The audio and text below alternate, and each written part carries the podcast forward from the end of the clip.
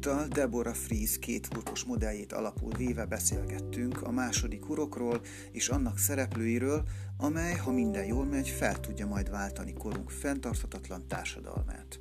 Beszélünk az úttörőkről, a védnökökről és az őket lasszóval kereső közösségi alapítványokról is.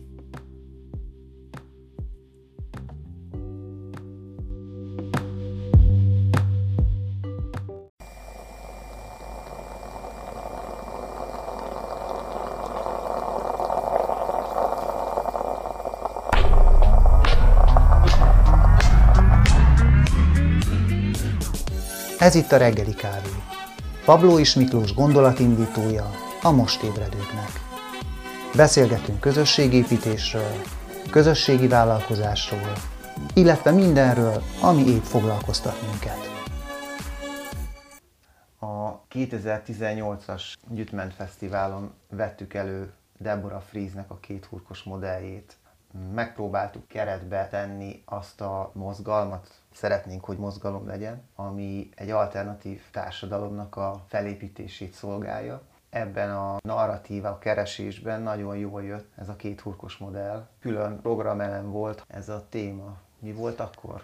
Ugye simán azt néztük meg, hogy Deborah Fries négy szerepet azonosított. Azt szerettük volna megnézni, hogy akik ott vannak és eljönnek, ők amúgy mivel azonosítják magukat, és akkor, hogyha vannak úttörők, amire azért sejtettük, hogy egy Gyűjtment Fesztiválon jó eséllyel lesznek, meg esetleg vannak, akik integrátorként vagy felvilágosítóként azonosítják magukat. Így is, hogy Isten megjelennek a védnökök, akik meg tudnak valamilyen támogató szerepet is betölteni. Hogyha ezeket összekapcsoljuk, akkor ebből lesz valami. Ez volt az egyik feltételezésünk, hogy legalább kezdjünk el beszélgetni arról, hogyha meg valamelyik szereplő hiányzik ebből a mozgalomból, vagy ebből a történetből, akkor miért is hiányzik azoknak az embereknek, akik valamilyen alternatív életmódba fognak, már az is tud segíteni, hogyha be tudják magukat helyezni egy ilyen narratívába. Tehát ilyen szempontból nem csak az volt a lényege, hogy most na, valamit elindítsunk, hanem hogy tudatosítsuk, hogy valójában hogy is változhat a társadalmunk,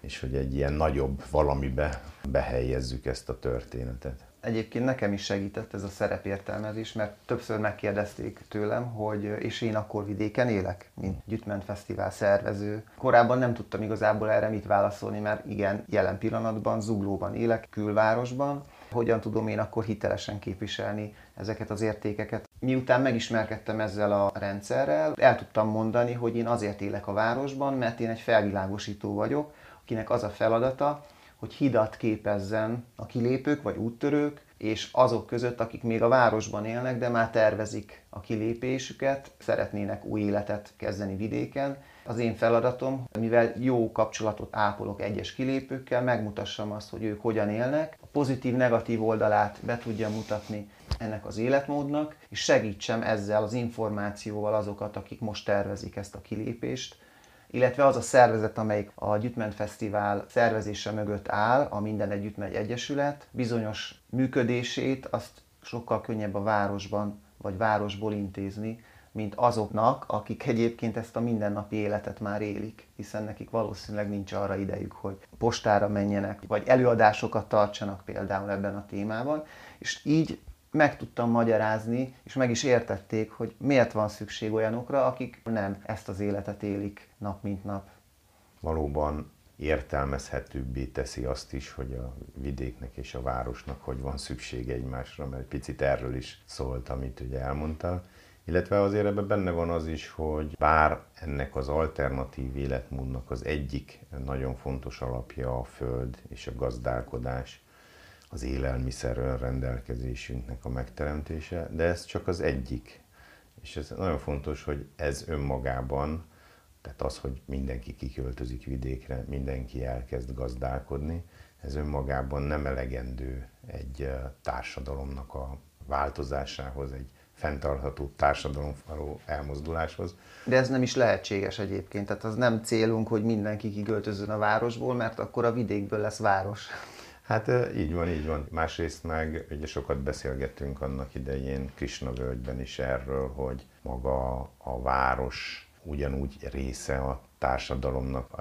Ugyanúgy, ahogy egy közösségben természetesen jönnek létre a csomópontok, a vezetők, ugyanúgy a társadalomban is természetesen jönnek létre csomópontok, ahol ugye információt, árut, nagyon sok mindent lehet cserélni, ahol ugye szolgáltatásokhoz tudok hozzájutni, amit valójában jó eséllyel nem éri meg nekem előállítani mondjuk abba a kis önfenntartó gazdaságba, amit létrehozok.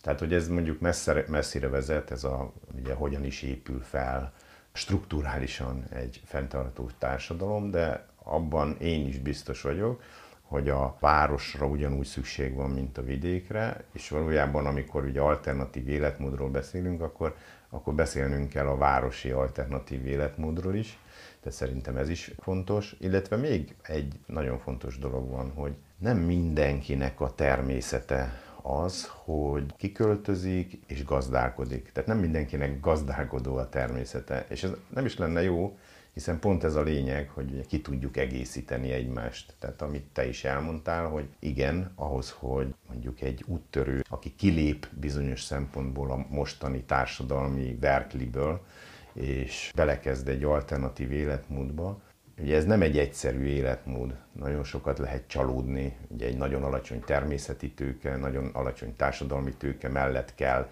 megélni, gazdálkozni, közösséget létrehozni. Ez a csalódások meleg ágya.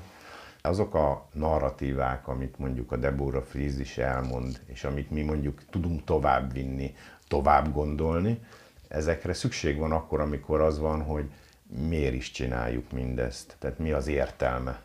És én azt gondolom, hogy igen, ezért ugyanannyira fontos, hogy legyenek hírvívők, akik ugye a, szintén a felvilágosítóknak a feladatát látják el, hogy ezekben a alternatív életmódkereső körökben viszik ennek a hírét, és legyenek olyanok, akik pedig valóban összekapcsolják a különböző szereplőket, ugye őket lehet ilyen integrátoroknak hívni, akik ezáltal esélyt adnak az úttörőknek arra, hogy életképes dolgokat hozzanak létre. Térjünk vissza egy kicsit a 2018-as Gyütment Fesztiválra Zebegénybe. Ott milyen reakciók voltak? Meg tudták-e a hallgatók találni a saját szerepüket? Tudták-e értelmezni ezt a rendszert? Ugye viszonylag egyszerű ennek az egésznek a logikája, szerintem a megértéssel nem volt probléma. Annak a jelentősége, hogy ezek a szereplők és ezeknek a szereplőknek az összekapcsolódása milyen fontos ebben a társadalom változtató törekvésben, abban nem vagyok benne biztos, hogy mindenki ezt megértette.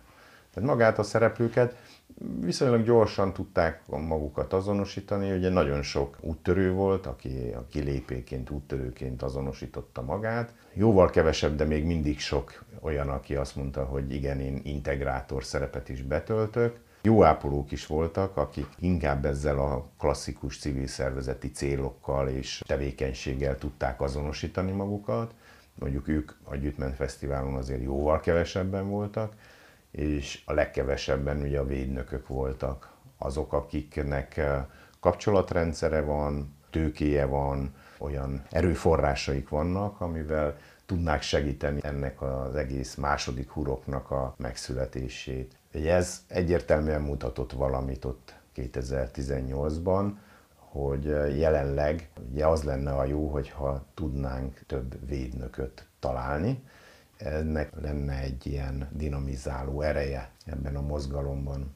Én azt is látom, hogy ez teljesen egyértelmű, hogy ennek a jelentősége az, hogy el vagyunk akadva abba, hogy mindig erőforrás hiányosak ezek a kezdeményezések. Tehát a lelkesedés ott van, értjük azt, hogy ugye ez a leköszönő, fenntarthatatlan társadalom, ez miért nem megoldás, miért nem ezt erősítjük, tehát hogy azt értjük már, hogy mihez képest kell változtatnunk, hiszünk abba, hogy vannak fontosabb értékek mondjuk az egyéni gazdagodásnál, tehát hogy ezeket már elég jól összerakjuk. Látom azt, hogy szinte gomban mód nőnek ki ezek a közösségi kezdeményezések, de szinte mindegyik erőforrás hiányosan indul el.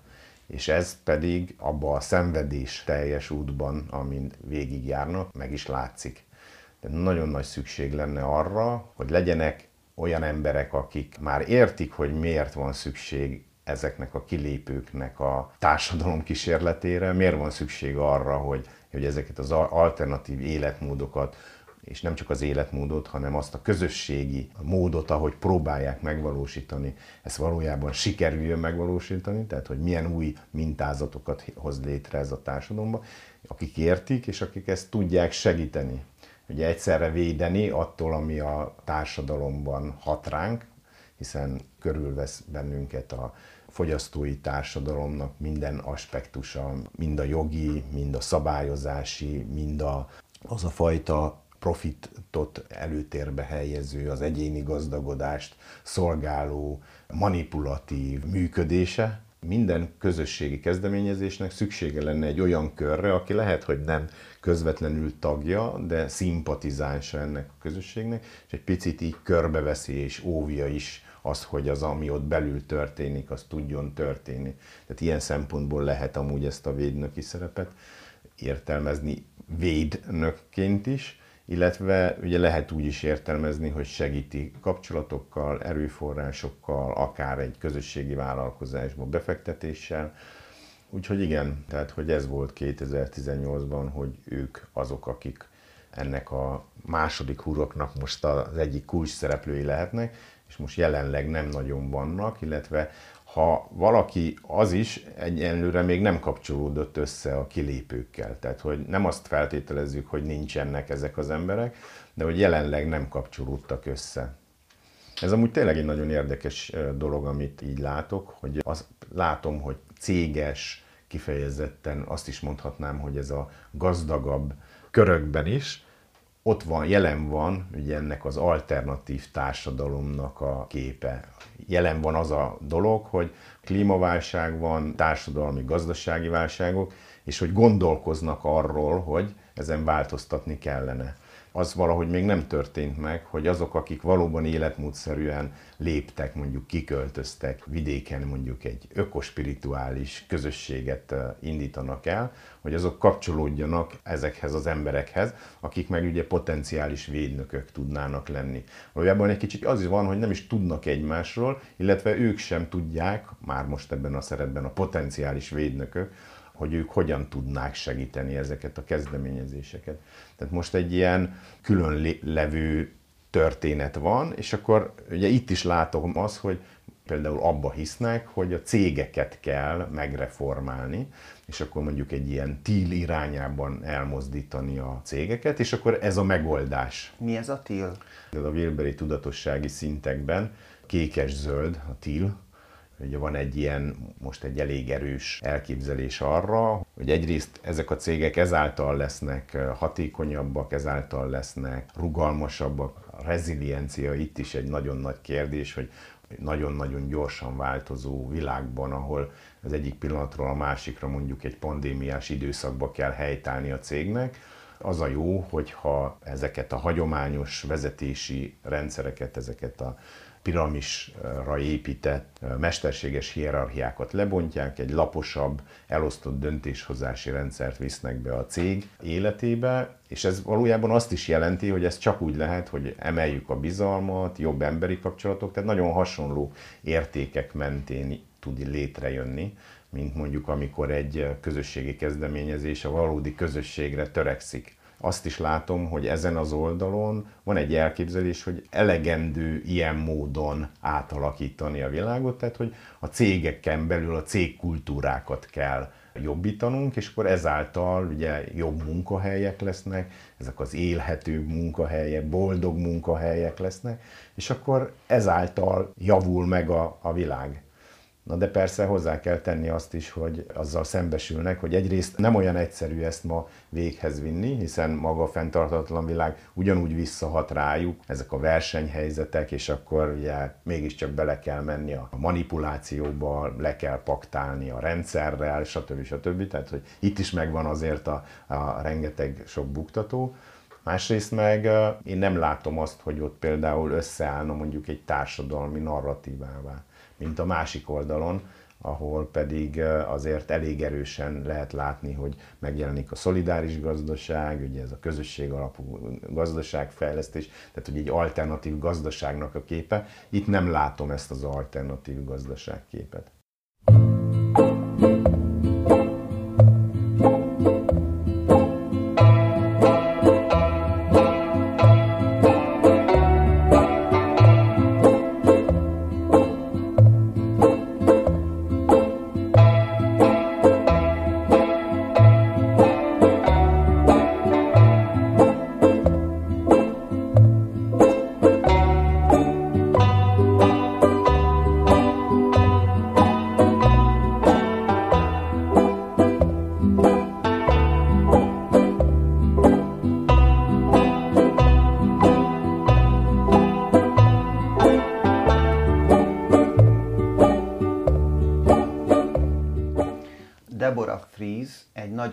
ütős mondattal kezdi az előadását, ezt a TED előadást, amit majd be fogok linkelni a podcast alá is. Azzal kezdi, hogy nem fogod tudni alapjaiban megváltoztatni a nagy rendszereket, csak felhagyni tudsz velük, és újra kezdeni, vagy hagyni elhalni azt, ami haldoklik.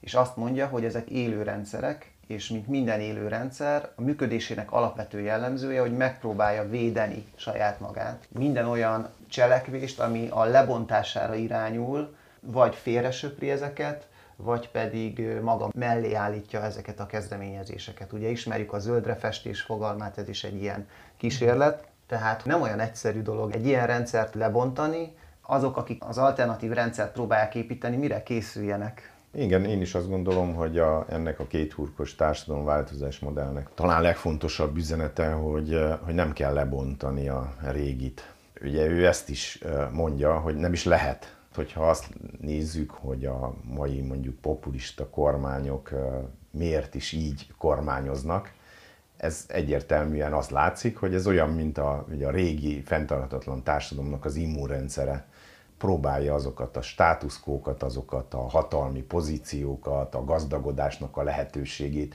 minden eszközzel megőrizni, hiszen ugye jelenleg ők a társadalomnak a nyertesei. Ugye ez egy szűk réteg, de ez a számukra teljesen kerek. Tehát, hogy így működik a világ, hogy mi gazdagodunk, a többiek meg szegényednek. Ez a világ rendje, azaz, hogy nekem ez jó. Amúgy ez szerintem nagyon sokan ezzel nem gondolkoznak, hogy ez a világ rendje, csak az a lényeg, hogy nekem ez jó. Ez ugye már a zöld mozgalomban, amikor a 90-es években ugye földnapjákat szerveztünk, akkor leesett az, hogy nekünk nem érdemes azzal foglalkozni, hogy mit csinál a polgármester. Nem az a feladatunk, hogy arra koncentráljunk, hogy a másiknak mit kellene tenni ahhoz, hogy jobb legyen, mert valójában ezzel ugye mi átadjuk a hatáskörünket. Ugye mindenki tud valamilyen mértékben hatni a világra. Hogyha én folyamatosan arról gondolkozok, hogy a polgármesternek mit kellene tennie, Ugye ő ezt nem azt fogja tenni teljesen természetesen, de én folyamatosan ugye elmegyek, tiltakozok, lakossági fórumokra járok, és elmondom, hogy a polgármesternek mit kellene tenni, az önkormányzatnak milyen döntéseket kellene hozni, hogy valójában az én hatáskörömet átadom neki, és valójában folyamatosan azt kommunikálom, hogy csak neki van hatása erre a világra. És ezzel valójában az ő hatalmát megerősítem, hiszen ezt mondom el, hogy ő tud tenni a, a világnak a jobbításáért. Ugye ezzel szemben lehet azt látni, hogy most a, az úttörők, a kilépők, azok nem arra koncentrálnak, hogy másnak mit lehet tenni, hanem hogy én mit tehetek. Ugye ez a cselekvő, életmódváltó megközelítés. És nagyon sokszor ők valójában szerintem ezzel nem is gondolkoznak el, de valójában azt csinálják, hogy a saját hatáskörükre koncentrálnak. Azt mondják, hogy ja, hogy én meg tudom termelni az élelmiszeremnek legalább egy részét, ja, ezzel tudom valamennyire függetleníteni magamat a nagy ellátórendszerektől? Ja, lehet, hogy egy ponton már nem kell nekem napi 8 óra, 8, 12, 14 órába valahol robotolni egy olyan cégnél, ami, aminek nem látom, hogy bármilyen jót is csinálna a világba. Tehát, hogy elkezdik szépen cselekvő módon a saját hatáskörüket erősíteni, és szerintem ebben ez a Deborah Frízes gondolatnak pont ez, ez az, amit megerősít hogy azt mondja, hogy ezek elhalnak, ezekre nekünk nem kell koncentrálni, nekünk arra kell koncentrálni, hogy lehetséges egy második hurkot létrehozni. Általában nem tudják elképzelni az emberek, mert nem lehet, mert hogy hát most ez vesz körül minket ez a társadalom, tehát nem tudunk egy másik bolygón hirtelen egy másik társadalmat létrehozni. De valójában a Deborah Fries arról beszél, hogy hogyan változik a társadalom, hogy a második hurok is ennek a társadalomnak a része, tehát hogy nem az van, hogy létrehozunk egy másik bolygón valami másik valamit, hanem ő azt mondja, hogy egyszerűen azáltal, hogy elkezdünk a saját hatáskörünkre figyelni, hogy a, a saját önrendelkezésünkre, önellátásunkra, ugye egyre nagyobb hatásunk lesz a saját életünkre. Tehát, hogy először lehet, hogy csak az élelmiszer egy részét tudjuk megtermelni, egy ponton lehet, hogy meg tudjuk a alternatív oktatással a gyerekeinknek az oktatását, lakhatásunkat megteremtjük környezetbarát építőanyagokkal, kalákában, stb. stb. Tehát az élet egyre több aspektusát vagyunk képesek előállítani a, a, az energiát, és azt mondani, hogy valamennyi energia önrendelkezésünk van, és akkor ezek a lépések ugye egyre nagyobb önrendelkezést jelentenek, és az egyre nagyobb önrendelkezés azt is jelenti, hogy nem csak az életnek az alapfeltételeit tudom már előállítani, hanem arról is tudok gondolkozni, hogy én hogy akarok élni. Közösségben milyen rendszert akarok létrehozni. A saját közösségem hogy akar működni. Nem úgy, ahogy jelenleg mondjuk az önkormányzat vagy az állam működik, hanem úgy, ahogy mi szeretnénk, a saját emberi értékeinkre alapozva hozunk létre struktúrákat, rendszereket, és ezeket működtetjük. Ugye ez most inkább a jövő, amiről beszélek, és ezért gondolom, hogy ez az első mondat valóban az egyik legfontosabb üzenet. Tehát, hogy ne arra koncentrálj, ami már éppen leáldozóba van, és ne azt próbáld meg megváltoztatni, hanem a saját hatáskörödre koncentrálj. Tedd azt, amit tudsz tenni. Azért azt elmondja a Deborah Fries, hogy amikor egy társadalom válságba kerül, akkor ezek az alternatívák automatikusan létrejönnek, megjelennek, hiszen mindig vannak kilépők, mindig vannak rebellis, másképp gondolkozók. Viszont azt is elmondja, hogy ha ezek elszigeteltek maradnak, akkor semmilyen változás nem fog történni társadalmi szinten. Az uralkodó rendszer vagy félresöpri, vagy pedig maga mellé állítja őket, ebből azt a következtetést vonja le, hogy össze kell kapcsolni őket, mert sok esetben arra már nincs energiájuk, hogy összefogjanak, tehát kell egy plusz szereplő, amelyik össze tudja kapcsolni ezeket az szétszórtan, elszigetelten lévő kis szikrákat, vagy kis kezdeményezéseket. Így van, tehát hogy ő is arra a kulcsra mutat rá, hogy ugye ebből a négy szereplőből három a kulcsa Ugye vannak a jelenlegi társadalomban erőforrásokkal, kapcsolatokkal, amúgy nagyon sokszor ez lehet, hogy, hogy a, a tudás, hogy én például olyan technológiai, olyan struktúráknak a kialakításához van tudásom, amire nagy szüksége lenne a kilépőkre hogy ne halljanak bele abba a tevékenységbe, hogy életképes dolgokat tudjanak létrehozni. Tehát nem csak pénzről beszélek itt, hanem tudásról is. És tudjuk azt, hogy igen, a jelenlegi társadalomban nagyon sok okos, felkészült mérnökember van, nagyon sok olyan ember, akinek olyan dolgok álltak össze a fejébe, amire ezeknek a kilépőknek nagyon nagy szüksége lenne. Illetve azt is tudjuk, hogy vannak gazdag emberek, vannak nagy kapcsolatokkal rendelkező emberek, akik szintén kezdik megérteni azt, hogy a jelenlegi társadalom fenntarthatatlan, és ők is szeretnének változtatni. Ugye ezt látjuk, tehát, hogy vannak potenciális védnökök, akkor mondjuk ki. Ugye azt is látjuk, hogy törvényszerűen, ahogy a Deborah Fries is, kilépők azok kilépnek, mert hogy nem tudnak már más tenni, ugye létrejön az a, az életükben az a helyzet, hogy azok az értékek, azok, amit ők fontosnak tartanak, azt nem látják sehol az életükben, és ez a fajta feszültség egy ponton azt fog eredményezni, hogy és akkor kiköltözök, és akkor most már nem járok be a munkahelyembe, hanem megpróbálom ugye a saját életemet a saját kezembe venni. Hála az égnek ezt nem egyedül teszik, hanem nagyon sokszor közösségben és közösségi kezdeményezésekben. Tehát, hogy ez, ez van. És az, ami a legkevésbé történik, hogy ez most ez a kettő valaki összekapcsolja. Jelenleg szerintem a felvilágosítók, amik ma Magyarországon vannak, leginkább azzal foglalkoznak, hogy az úttörőket összekapcsolják, és az úttörőkhöz visznek el olyan tudásokat, raknak össze olyan, akár ez technológiai tudás is lehet, tehát hogy szólhat arról, hogy hogyan kell most egy nem intenzív gazdálkodást mondjuk megvalósítani, tehát mondjuk egy borzderesek, ugye azt mondják el, hogy a borzderes technológiát hogyan kell csinálni, hogyan kell a háztájban tartani a tehenet, ahhoz, hogy az jól működjön. És akkor ez is egy felvilágosító munka, hogy maga a borzdereseknek a tartása, az hogyan jó csinálni. De ugyanígy igaz mondjuk a megújuló energiákra, bármire, de nagyon sok ilyen technológiai tudást visznek be. Ugye erről szól mondjuk a permakultúrával foglalkozó, hogy beviszik ugye azt a szemléletet, azt az értéket. Tehát, hogy ezt sorolhatnánk a gyümölcsészek, stb. stb. Tehát nagyon-nagyon sok ilyen technológiai tudás osztunk meg, és közben mindig ott van mögötte azért az, hogy ja, és akkor de ezt az ember csinálja, tehát hogy az emberek együttműködése, Ugye mi, mint közösségi vállalkozás fejlesztünk, mint közösséggel foglalkozó, pont ugye ezt a tudást visszük be, ezt tesszük jelenleg, és ez tök jó, ez nagyon sokat tud segíteni azoknak, akik valóban belefognak és elkezdenek mondjuk gazdálkodni, vagy egy alternatív életmódba kezdenek, de ez nem elegendő. Mert valójában most az nem történik, hogy valaki összefogja, összekösse ugye a potenciális védnököket az úttörőkkel, és ezért nagyon erőforrás hiányos. Amúgy ez igaz a felvilágosítókra is, igaz az úttörőkre is nagyon-nagyon pici, nagyon-nagyon lassú lépésekben tudnak ezáltal fejlődni, és nagyon sokszor ugye ebben van egy kiégési folyamat is. Tehát olyan lassan tud élővé válni ez a dolog, hogy lehet, hogy belehal, mielőtt még élővé válna.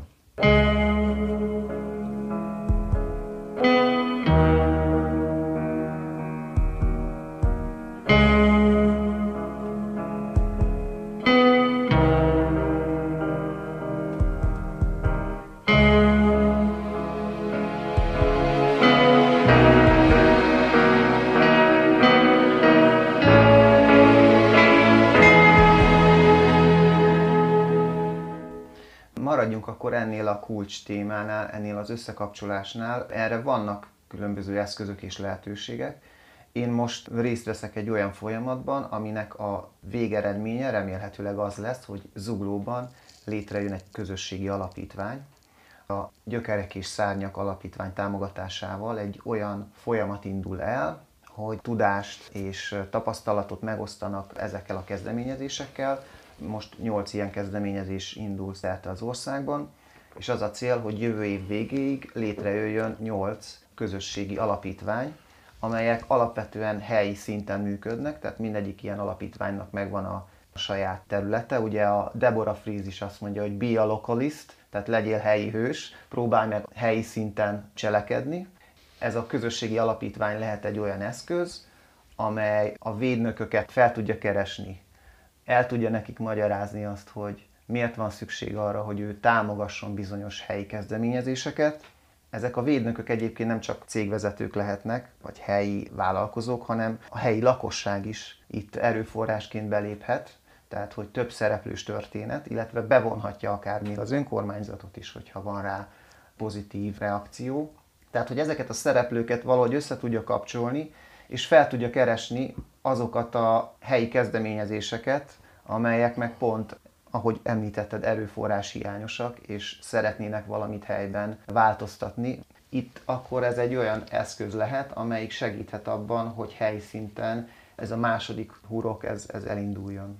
Szerintem így van, mert ugye nem véletlenül, hogy a előző körben ugye én is próbálkoztam Nyíregyházán ugye egy közösségi alapítványnak a létrehozásával. Tehát ugyanezt láttam meg, hogy ezekre a integrátor szervezetekre egyszerűen szükség van, akik nagyon tudatosan és egy jól felépített menedzsmenttel, a forrásteremtés, a fundraisingnek a jól átgondolt rendszerében próbálják összekötni ugye a védnököket és az úttörőket Szerintem döbbenetesen nagy szükség van erre. Azt is mondhatnám, hogy talán most ez az egyik legfontosabb, ami történhet a társadalmunkban.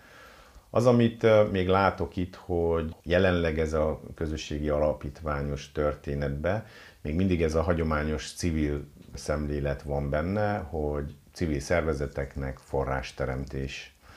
Végülis nem baj, hogy ez vannak, akik így látják, mert ha már önmagában ezt létrehozzuk, ez lehet egy első lépés, de hogy amiről mi beszélünk, az az ennél több.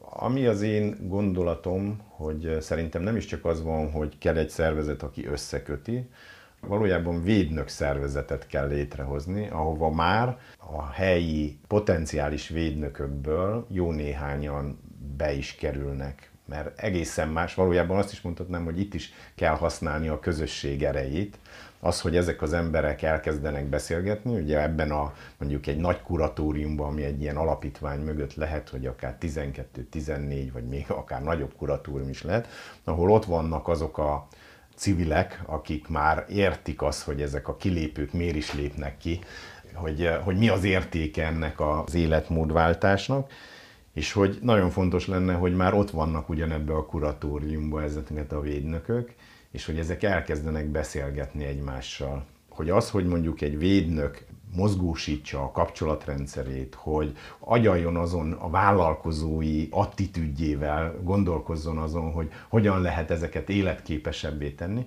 arra is szükség van, hogy ő is egyre inkább mélyítse az, hogy ez miért fontos, milyen érték, mit hoz létre, hogy az ő jövőképe is folyamatosan fejlődjön. Tehát valójában egy közösségi alapítvány nem csak egy forrásteremtő szervezet, hanem valójában ennek a narratívának is egy ilyen erősítője, ami a, a védnökökben meg tudja erősíteni ezt. Tehát azért azt gondolom, hogy ez egy nem egyszerű dolog, de nagyon-nagyon fontos, hogy ez történjen. Mi történt annó Nyíregyházán? Említetted, hogy volt egy ilyen kezdeményezés. Hát igen, igen. Ott végül is az történt, hogy próbáltunk azokat a Nyíregyházán általunk ismert szereplőket összehozni, akikről azt gondoltuk, hogy potenciális védnökök, de legalábbis jó kapcsolatuk van ebbe az irányba, tehát mit tudom én, vállalkozás élénkítéssel foglalkoznak, vagy vállalkozók, és akkor ezért de hogy nagyon a saját kapcsolatrendszerünkből ben találtuk meg csak őket, és ez egy nagyon korlátos kör volt. Ez a gondolatom, hogy valójában nem sikerült ebből a, a mi általunk ismert körből kilépni, és az igazán nagy potenciálral rendelkező védnököket megtalálni ott Nyíregyházán. Nem sikerült ebbe a kezdeményezésbe bevonni. Ez rajtunk is múlott, tehát hogy nem voltak eszközeink hozzá. Ma is ezt gondolom, hogy az a jó út, hogy energiát rakni abba, hogy akár ilyen hólabda effektussal így elindulni, és valóban így végigjárni azokat a potenciális védnököket, akik lehetségesek, és hogy tényleg olyan kuratóriumot létrehozni, ami nagy potenciálral rendelkezik. Mind kapcsolatrendszer, mind akár már az első pénzforrásoknak a betétele ugye az alapokba, tehát hogy a, ugye létre tudnak hozni alapokat, hogy ez lehet szerintem az egyik kulcsa. Viszont az is az igaz, hogy ugye megint így, itt előjön a természetünk szerint. Tehát, hogy én a, például a természetem szerint jó fejlesztő vagyok, aki képes vagyok közösségeket segíteni abba, hogy ők jól összekapcsolódjanak, de hogy nem vagyok jó abba, hogy végigjárjam ezeket az embereket, és akkor meggyőzzem, meg, megmutassam nekik ezt a dolgot. Odáig el tudtunk jutni, azt szerintem az egy, egy egészen jó eredmény volt, hogy több rendezvényt is csináltunk, de aztán volt egy nagyobb rendezvény, ez a társadalmi jót üzleti alapon rendezvényt csináltunk. Na és ott lehetett érzékelni az, hogy egy picit megmozdult az a kör, aki valóban már szeretne valamilyen társadalmi jót csinálni, és rendelkezik potenciállal is. De hogy valahogy erre már nem sikerült építeni, nem csináltuk meg azt a azt a szerintem nagyon nehéz munkát, hogy így végigjárni őket, újra és újra beszélgetni, rájönni arra, hogy ő hogyan tud bekapcsolódni, hiszen ezek az emberek ugye jellemzően elfoglaltak, mindenki ugye ő tőlük akarja a cégnek a dolgait ugye megtudni, és hogy ez nem, nem egy egyszerű folyamat. Ennek szerintem az is az oka volt, hogy maga a szervező csapat nem volt még alkalmas teljesen erre. Tehát lehet, hogy az is feladat lett volna, hogy olyan embereket találjunk, akik ezt jól csinálják, és hogy mi nem voltunk ebbe olyan nagyon jók. Jelenleg hol tartunk most ebben a folyamatban, ebben a második hurok építésben?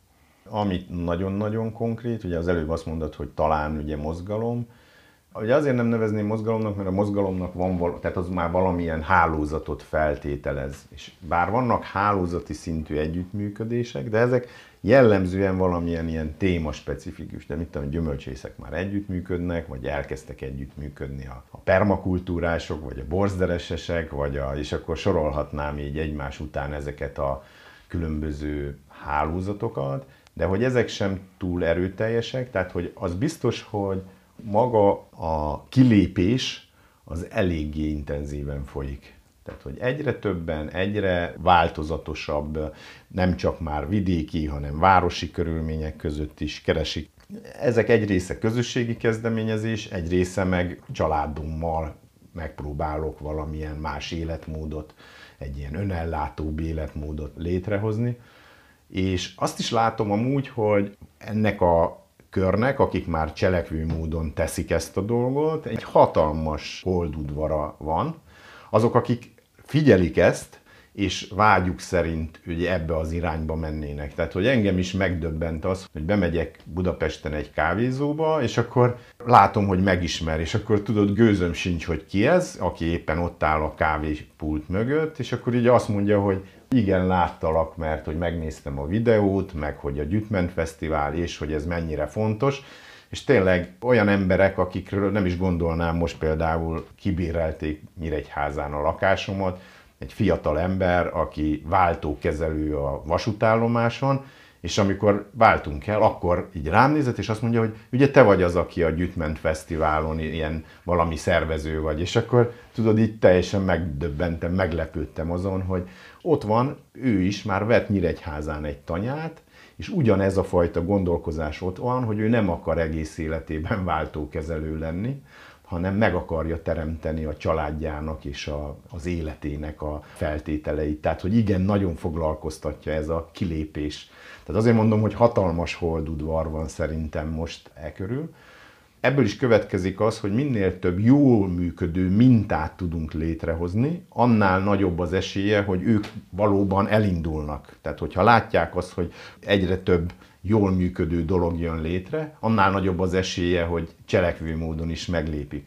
Ezért szerintem most ez az egyik legfontosabb, hogy azok, akik meglépték, azok kapjanak olyan támogatást, fejlesztői támogatást is, de az elinduláshoz, ugye az úttörő időszak, az egy nagyon-nagyon erőforrás igényes. És igen, kapjanak ilyen támogatást is, magyarán szólva akár pénzbeli támogatást is, ahhoz, hogy ők ezeket a kezdeményezéseket életképessé tudják fejleszteni. És erre nem csak azért van szükség, mert ugye mondhatnánk azt, hogy na jó, de hát ők is ugyanolyan emberek, mint minden vállalkozó, tehát hogy miért kellene nekik, nekünk úgymond pénzt adni Ugye egyrészt ugye azt látom, hogy az induló vállalkozásoknál az állam is ad ugye induló tőkét. Tehát, hogy ilyen szempontból szerintem nem különbözünk ettől. De én amúgy ebben még tovább megyek, hogy miért kell ezeknek a kezdeményezéseknek pénzt is adni. Az egyszerűen azért, mert hogy ők olyan vállalkozók, most ezt nagyon idézőjelbe teszem, hanem az szó eredeti értelmében vállalkozik valamire, ők olyan vállalkozók, akik olyan dolgokra vállalkoznak, hogy létrehoznak olyan társadalmi, természeti mintákat, ami társadalmi tőkét növel, ami természeti tőkét növel. Tehát ők valójában nagyon sok energiát raknak abba bele, hogy valójában létrehozzanak a társadalomnak értékeket. És ez az, amit szerintem a társadalomnak most meg kellene fizetni, hogy ezek valóban létre tudjanak jönni. Tehát, hogy itt van egy nagyon fontos logika, hogy valójában ezt úgy is lehet nézni, hogy ez egy szolgáltatás a társadalom felé. Én most például azt látom, hogy nekünk fejlesztőknek, nekünk integrátoroknak azt kell elérni, akár ilyen közösségi alapítványok létrehozásával, hogy létre tudjon jönni néhány, persze nevezhetjük ilyen pilot projektnek, csak hogy azért nem nevezném, mert hogy ez már inkább a leköszönő világnak a, a logikája, olyan működő, életképes mintázatokat kellene létrehoznunk, ami megmutatható, és ami arra készteti a, az indulókat, keresőket, hogy valóban meglépjék ezeket a dolgokat. Ekkor van esélye annak, hogy a második hurok az egy erőteljes történetté válik. Tehát elmondhatjuk, hogy ők a mi jövőnk építői. Így van, így van. úttörők azok,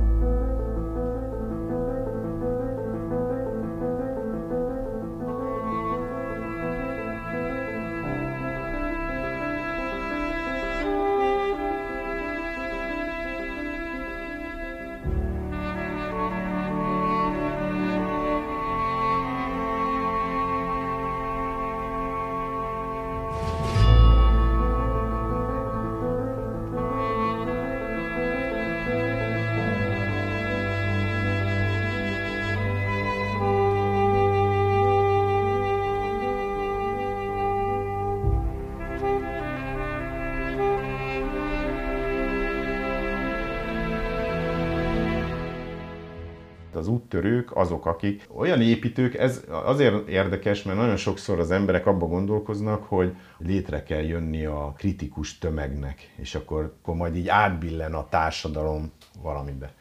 Ennek is van jelentősége, de most nem ez történik még. Tehát most még nem a kritikus tömegről beszélünk, az, amiről én beszélek, hogy már nagyon sokan cselekvő módon kilépnek, ennek van egy hatalmas holdudvara, ez azért még jelentéktelen része a társadalomnak.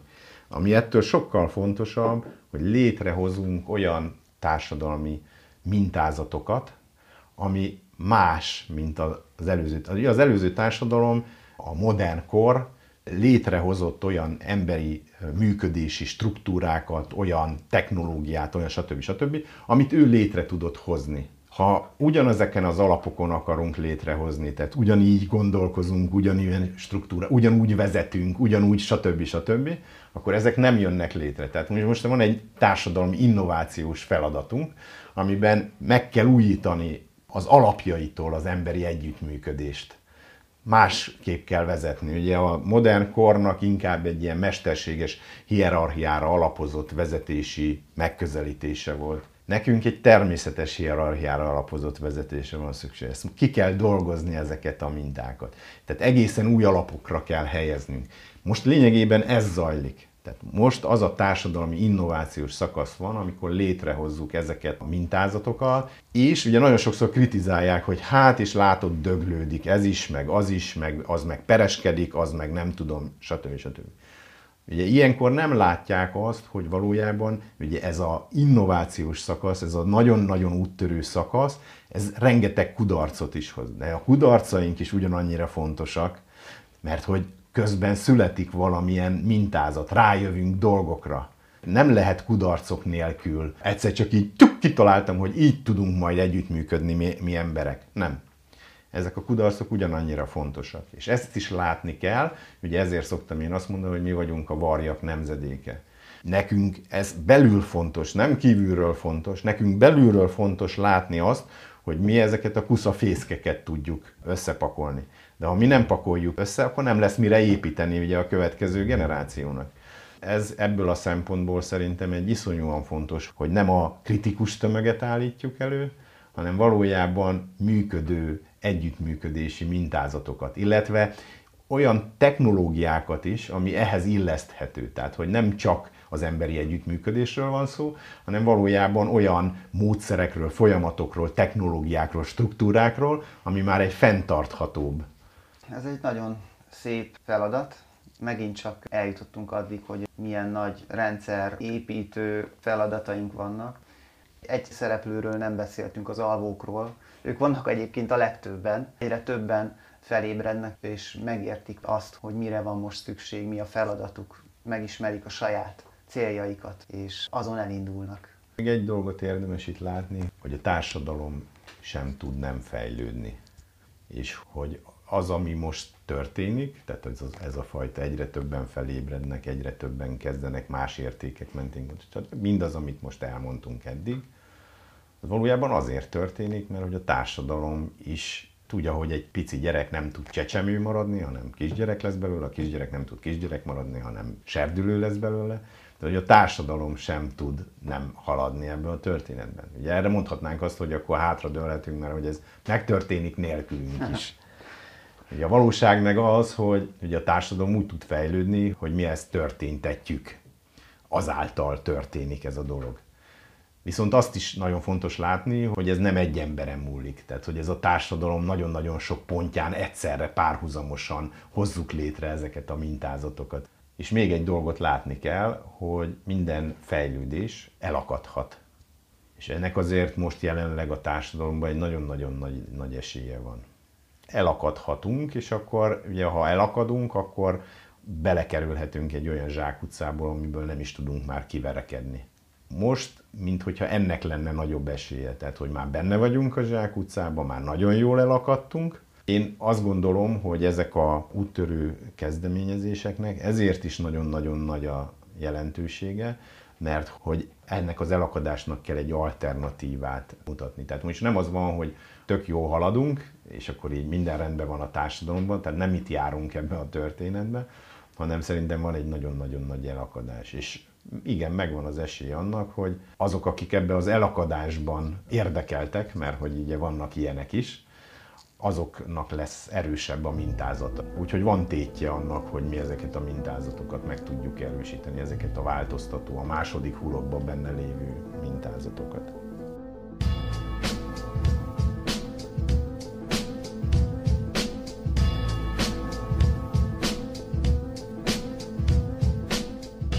Pavló és Miklós gondolatindítóját, a reggeli kávét hallottátok, amely közösségfejlesztésről és egy alternatív társadalom megálmodásáról szól. Ha tetszett az adás, oszd meg ismerőseiddel és azokkal, akiket még érdekelhet. Sziasztok!